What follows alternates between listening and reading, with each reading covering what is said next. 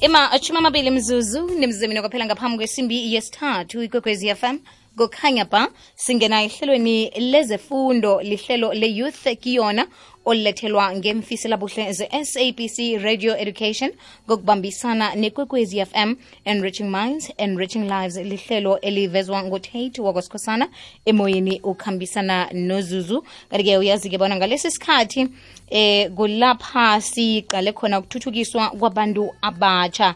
Leli-ke lihlelo elinikele lutsha ithuba lokubana likhulume ngamazizwalo eh indaba ezithinda amaphilo wazo um bakhona ukuthi bazikhulume babodwa njengabantu abatsha qobe veke siba nesihloko esithinda umuntu omutsha kanti-ke nawe ungazibandakanya ngokusidosela umtato ku-089 120 7667 ngokuhamba kwesikhathi ehlelweni. Njengobana-ke singene enyangeni yabantu abatsha eh sithe khe sikhulumisane nebakwa small enterprise development agency isida korhunyeziweko esifundeni sempumalanga. Umnqopho waleli hlelo kufuna, eh, kufuna ilwazi namkha kufuna ukwazi bona ilutsha eh, lazi kangangani ngesida kanye namahlelo ayo nokuthi isebenza ukwenzani bona njengelutsha eh, ingabasiza bunjani. Ama-ofisi abo afumaneka bunjani nokuthi akuphi. Ukuzwa konke lokhu sikhambisana nesithekeli sethu esiyi-acting branch manager enkangala region uma ophumzile okamnisi.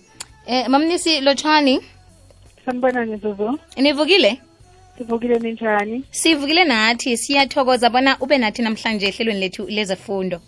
Sibonga kakhulu ilithuba nathi singusida. Eh, siyathokoza. Asithome lapho-ke eh mamphumzile mamnisi njengoba sele utshilo eh ukuthi nivela kwasida.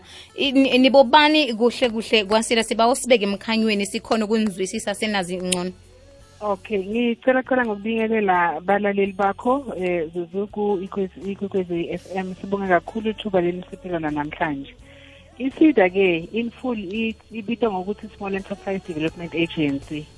Lokuyinhlangano liyasungulwa nguhulumende yokusita kwesomabhizinisi nema-cooperatives eh i-department lesiripota kuyo i-department of small business development. I- i-mandate lesinikwe yona-ke ukuthi sente sure ukuthi lama-services lesiwaniketa eh, i-youth nabo bonke labakubhizinisi ayafikelela labantu bakhona khona. Eh nokuthi sibone ukuthi si si si sikhulise lwati labo ma-service providers lesasebenzisako ngoba sisebenza nestaff lesinaso ama-business advisors lasita kusoma-businesses bese sisebenzisa nema-service provider lesibabhadala eportion. Bese i-client nayibhadale eportion ukuthi bakukhona ukuniketa ma-services lawa la-offerishwa ngisiza to bantu bakithi Mm. Bese siqale eh, indaba ye-vision ne-mission kwa- kwasida um ningakhe mhlambe nisibeke emkhanyweni ukuthi ni- ni- nikhamba phi nikhamba kunjani i-vision yethu ithi sifuna ukuba i-center of excellence angithi la ku-SMMA development Mhm. kule space le sikusho njani loko sikusho ngoba thina sibese sibuka ukuthi imandate yethu ithi asisite bosomabhizinisi ba labafuna kucala ukuthi bacale bakhulise amabhizinisi wabo bese bawende andlozobale kuze ukuthi kusitakale abantu abaningi. Sisebenzisa wona lama-products and services lesitokhuluma ngawo kabanti khana la kule program. Now konke lokhu asikwendi sodwana singusida ngoba sibonile ukuthi la ku-SMME value chain kunale ecosystem yokuthi nangabe nginiketa mina ngalokhu kufanele ngibe ngathi ukuthi ngibani loniketa futhi ngalokunye. Banganiki i-example asithi i-client yafika la kithi uthi sengicalile ibhizinisi yami ngidinga imali. Mina ngongisida angendelwanga ukuthi nginikane ngemali. Mara le ngikwentako ukuthi ngihlanganise le client nalaba lababolekana imali njengabo NYDA bomega bosifa namanye ama-government departments la- o- lanikana ngema-grant. So sisebenza nema-stakeholders including nanayo i- ikwekwezi um radio ukuze ukuthi sikwazi ukuhambisa mlayethu ebantwini ukuthi bangasithakala njani uma bafuna kucala amabhizinisi wabo nokuthi bangasithakala njani ekwakhuliseni amabhizinisi wabo. Ngikuzwa kuhle. Lihlelo lezefundo i-youth talk sikhambisana nomango phumzile wakwamnisi eh, ozosiza ngokwazi ngamahlelo enziwa yisida eh, ngohunyeziweko sithi yisida. Kodwana-ke i-small enterprise development agency kungenzeka bona umuntu omutsha ufuna ukuzithomela ihwebo ungasidosela umtato ku-089 1207667 uzibuzele ngokunqophileko kuma uphumzile esikhambisana naye. Namhlanje si amahlelo abekiweko akhona eh, enzele ukusiza umuntu omutsha ofuna ukuthoma ibhizinisi eh angangani mahlelo anjani begodu kulula kangangani ngomuntu omutsha bona azithole sele afake isandla athi nakasikhuphako sikhuphe eh, namkha siphume nento ezomsiza into ezomsebenzela Eh, Zuzu lefuna sikusho ukuthi isida njenge-agency ye-department or yaka- yakahulumende yendelwe ukuthi inikane ngalokhu lekuthiwa i-non-financial support. Lokusho ukuthi awungeni la kasida uthi ngifuna kuqala ibhizinisi ebekari bese uphuma sekuthengele eh sitholele indzawo sakubhadalela i-rent sathenga nale mishini nema- nema- nema-oven ako konke. But sizokusita ngokwenta labo business plan labafunwa whether ngilaba laba- labanika ama-grant imali ongayibisela emuva or laba lababolekisana ngemali. Lesi ma- masokho ikhona le business kufanele ukuba nendlela yokubamba imali. Imali lengenako imali lephuma ufuna uyibhale phansi uyirekhode. Sibasita ngokwenta ma- ukudevelopha neku-implementa ma-financial management system. Kuba kunabo-mentorship nabo-coaching laba bakhona ukuthi uma kubhizinisi udzinga loloke wayihamba le ndlela before kuthatshele ukuthi ihanjwa njani. Akuside kubuka ukuthi ngiyalo nginyathele kahle la noma nginyathelanga kahle. Yini lokungangisida singuhulumende sibe sesiyabuka nokuthi kunesidingo lesikhulu ukuthi nawusomabhizinisi uyakhi imakethe yakho? Angithi ngileza basibasita ngokudevelopha ama-marketing strategy. Uphinde futhi ukuthi nase uyathi le market yakho ubathola njani laba be-market? Ngileza bese uyafika saka-assessa nange-branding. Nanganika nje isibonelo khona la emuloto road sine-client le intuli tires bayibona abalaleli abaningi ibrandiwe ngedanlop eh ngoba ingaphansi kwale program yedanlop leso sebenze ekubasiteni labo somabhizinisi laba phansi kwe-youth na kule category ye-youth ukuthi bakhone ukuthi bathole i-support from lapha kusomithomo bakhone ukuthi babrande ngale danlop ngoba kwenta lula ukuthi londlulayo u- le le brand uyayazi mos uthi nakayibona lapha le business lesitweni sithi bese uyangena ngoba uyathemba ukuthi lo muntu okuthola lapha lokulenkudingako sibaniketa nangema-training. Ke lama-training ayaba wi-business business management skills aphinze abe technical. Nyalo nyalo nje ngojuni besine-training le besisapotwa i-tut ye-electrical engineering. And ma-client ethu lakhona la eh, kumkangala especially la emalahleni eh, municipality bayitholile le support. Siphinde sisebenzisane nema-institutions lafana nabo-transaloys nabo betile ne- ne- ne- negroup yama-client lebanawo lebathi bachamukile bafike bafuna kwena lo msebenzi lo. Cabanga ukuthi kunesidingo sokuthi kube nane-technical training. Siyenza nalama-training abo-chemical manufacturing le ofarishwa futhi nayo i-tut le nto yala ukuthi ekuthenini na usebenzisa ama-chemicals ngiyiphi imigomo lefanele uyilandzele? In terms of, of compliance yini lekufanele ukwati uku-avoide kuze ukuthi kungawisi le bhizinisi yakho in the future? Ngakho-ke kuningi lo esikwentako including nabo-mentorship and coaching lama-training eh njengoba ngisabalile. Bese kuba nale eh, le technical quality management system. Ngoba isinayikhula ibhizinisi yakho. Sofuna kungena ka-iscom iscom athi awukhoni ukungena ngoba awukanginikanga i-surety yokuthi wena tinto takho un- utenda ngendlela ehlelekile. So kufanele ulethe i-certification eh ye-quality management system. Kungaba mhlambe eh, ye-environment kungaba mhlawumbe noma ngabe yani sibe sesiyabasita nge-training sicede kubatrainer sibaside ngokuthi bawa- bawakhe lama-system bawasebenzise. Kuze ukuthi nabaya lapha kule market i-market ibe isho yadi ukuthi vele lo muntu lo mangathatha yena nale bhizinisi yakhe. Konke kwami la ebhizinisini ukuthi uhamba ngendlela lejwayelekile lekufanele bakwazi ama-client ethu ukuthi lokubaluleke kakhulu lesibaniketa ngako i-information ne-advice. Ngoba kuyayakha ibhizinisi kukwakha nalo mnikati wale bhizinisi lejoki ukuthi akwazi ukuthi ibhizinisi yami njengoba ngiqala itokhula kepha ingakhuli ingidlule. Asikhule together ngalama ngale information ma-business advisors letokunika yona nale information nale nale coaching and mentorship lento edinga endleleni. Nokuthi sibathumele kuma-exhibitions nangabe athengisa i-product or i-service lefunwa ngamanye ama-region khona la e-south africa kumbe lefunwa ngilamanye amave kule continent yethu nakubo-europe nakule tonke tindzawo so in a nutshell and lama-services wethu awabuki ukuthi u-entrepreneur noma usomabhizinisi osebenza yedwana noma ni-cooperative abuke bonke laba kumkhakha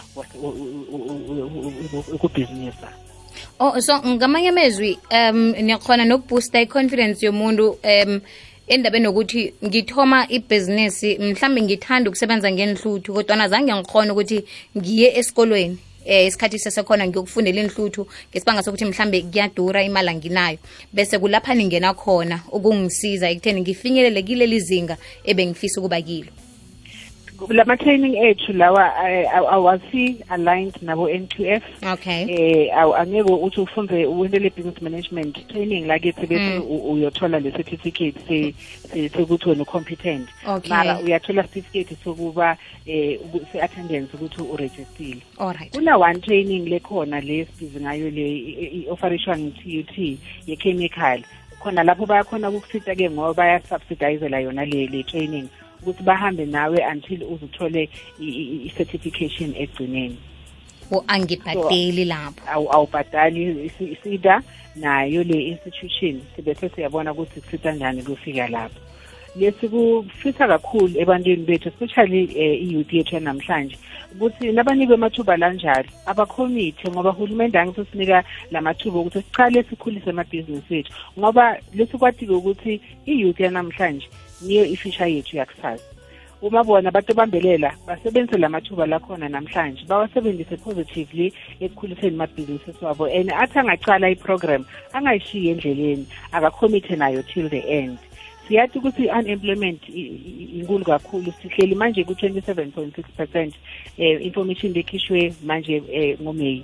Lesathi ukuthi i- i- i-higher percentage bantu labasha and kunema-graduate langasebenzi ukhona eh eh, umlaleli bekakhuluma on Tuesday afternoon khona Mhm. la kuyikwekwezi. Asho ukuthi uthi u- wafunda wahlangana nemngane wakhe bathi hayibo asi- asoloku simele emsebenzi asicalele ibhizinisi yethu. Bayicala ibhizinisi yabo. I-advice yakhe ngithanzile athi sukumani ningabuki ama-grant kepha tendeleni impilo ngo- ukuze ukuthi nani nikwazi kwakha mnotho bese nakhanye amathuba emisebenzi for labanye. So akhona lama-program for information eningi ukuthi bangena njani? Funa babuye batokhuluma nathi la ema-ofisini kasida. Kuyezwakala sikhambisana nomma ophumzile wakwamnisi kanti-ke sikhuluma ngendaba zokuthoma amabhizinisi namkha-ke sikhambisana bakwa-small enterprise development agency kuma ophumzile wakwamnisi osibeka emkhanyweni eh asinikele ilwazi. Njengoba na-ke si, sifuna ukwazi bona bakwasida banamahlelo anjani eh nokuthi-ke amsiza njani umuntu omutsha ekutheni athome ibhizinisi. Ku-089 1207667 089 1207667 ungazibuzela njengoba nasesekhona-ke uma ophumzile wakamnisi ehlelweni lethu le-youth talk elivezwa ngutate wakwasikhosana emoyeni osakhambisana nozuzu. Kukhona esinye isitshijilo-ke aye ngizwe ngaso ebantwini abatsha uthole ukuthi mhlambe eh banayo imbono banama-ideas bafuna ukuthoma amabhizinisi kodwana-ke nabaya lapha kufanele bathole khona isizo lezemali.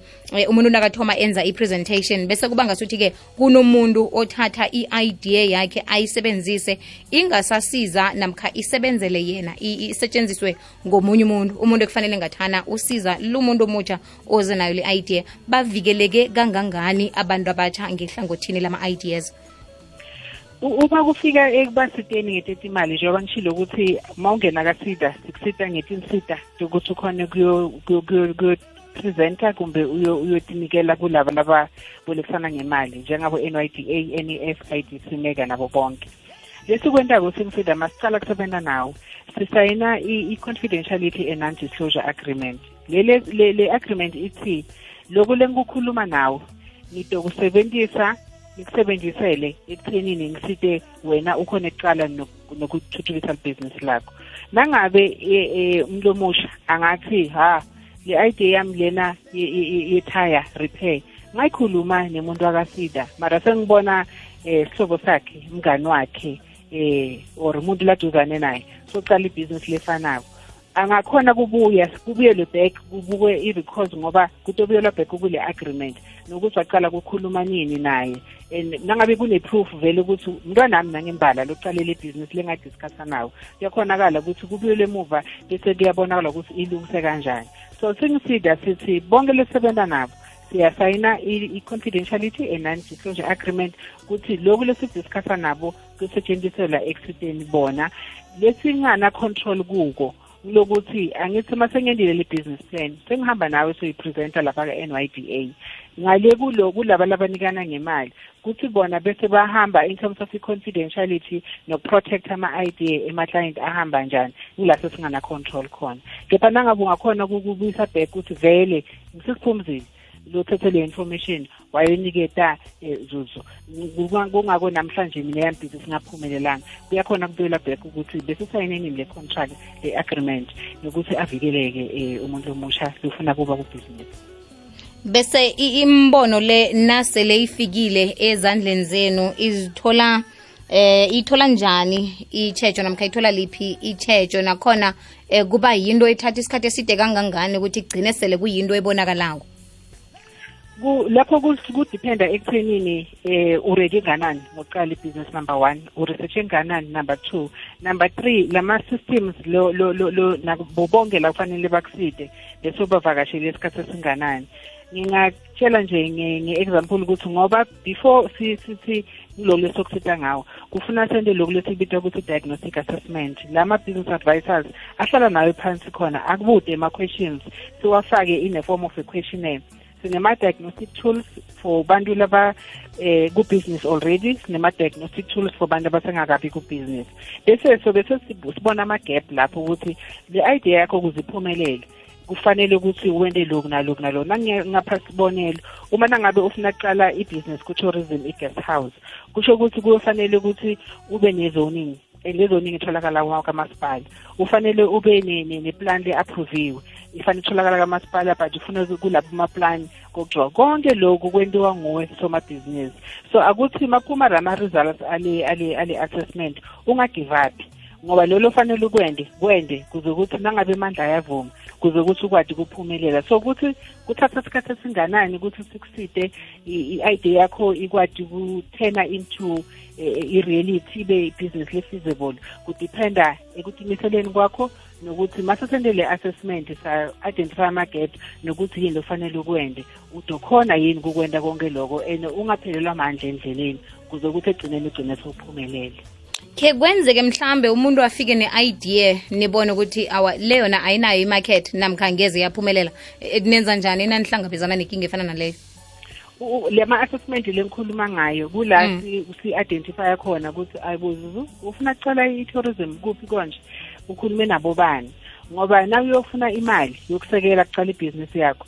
Bonke laba labafuna bakunika imali noma i-grant noma i-loan bafuna kwathi ukuthi bobani leyo bathengisela ukhulumile nabo. Ibe worse-ke kulaba bobolekisana ngemali ngoba bathi sifuna ama-contract. And lama-contract noma ungabuya nawo aya aya baconducta i-due diligence. Bayahamba bayoverifya ukuthi vele kuqiniso ukuthi umzila angacala le bhizinisi ngidomsupport nema-quantities langaka kuloku lakuthengisako and imali lapenda ngoba nabo bakubhizinisi okwenta imali bafuna kwathi ukuthi le mali yabo batoyithola nakuyi-grant bafuna kubona ukuthi vele le mali lasiyifaka khona itochubeka iwakhe imathuba emsebenzi ikhulise isimo somnotho lesinawo e-south africa. Njengoba sibona ukuthi economic growth lesinyanga lesiphelile bekushiwa ukuthi iyehlile nga-three point five percent. So nawuniketwa le mali le kubuka kuthenini ithemba libakhona ukuthi sawukhula nomnotho wethu tokhuphuka ukhule nangabe abantu abancane nalabafuna kuqala amabhizinisi sebangenile emkhakheni wama-businesses kuze ukuthi umnotho wethu ukwazi ukukhula. Kilaba esenibasizile khulukhulu esifundeni sempumalanga bangaki abaphumeleleko namkhalingangani inani lalaba abaphumeleleko? Eh noma ngingeke ngiquantify statistics mara kwamanje ngingakhona kusho ukuthi kuwo onke ama-sectors sinawo ama-client lesiwasetile eh kuma-manufacturing construction services tourism ICT wholesale and retail. But lemfuna kukusho ukuthi ma-example yama-client laku-youth lesinawo ngoba ngiyakhumbula ukuthi above 40 percent yama-client esiwaservisile kule region yasenkangala i-youth. Lesiba-assessile sibanikile ama-interventions kepha kukhipha sibonelo or i-picture ukuthi vele lisitho latholakala kasida bese likhulumile itires kukhona ulethu lwazi lo-supplier i-fire management equipment ka-escom nase-columbus stainless steel. Bonke labafuna kule category ye-youth kuna-renabo plastic molders and furniture okwamhlanga naye ukhona kule business yokumanufacture nokusupply nge-furniture. Sinabo laba baku-i c t t k media eh isekwaHafontein just to mention a few ukuthi kule mikhakha yonke nokuthi bakhona i-youth lesesitile lekhona kubeketela endleleni lisasekhona nanamhlanje isasebenza and iwakhile namathuba emisebenzi. Le ngifuna kukusho ukuthi above 40 percent yema-client lakhona kule region. La ku-youth category asitiwe just to mention le few ukuthi balaleli bethu bakhona ukubona ukuthi sikhuluma ngento lephilako njengoba ngisho ukuthi i-non-financial support mara lokhulu kakhulu le-business information and, and, and, and, and advice lesibanika yona iyakwazi ukuthi sisho ukuthi lokhu ukuthola kubani lokhu ukuthola kubani lokhu ukuthola kubani.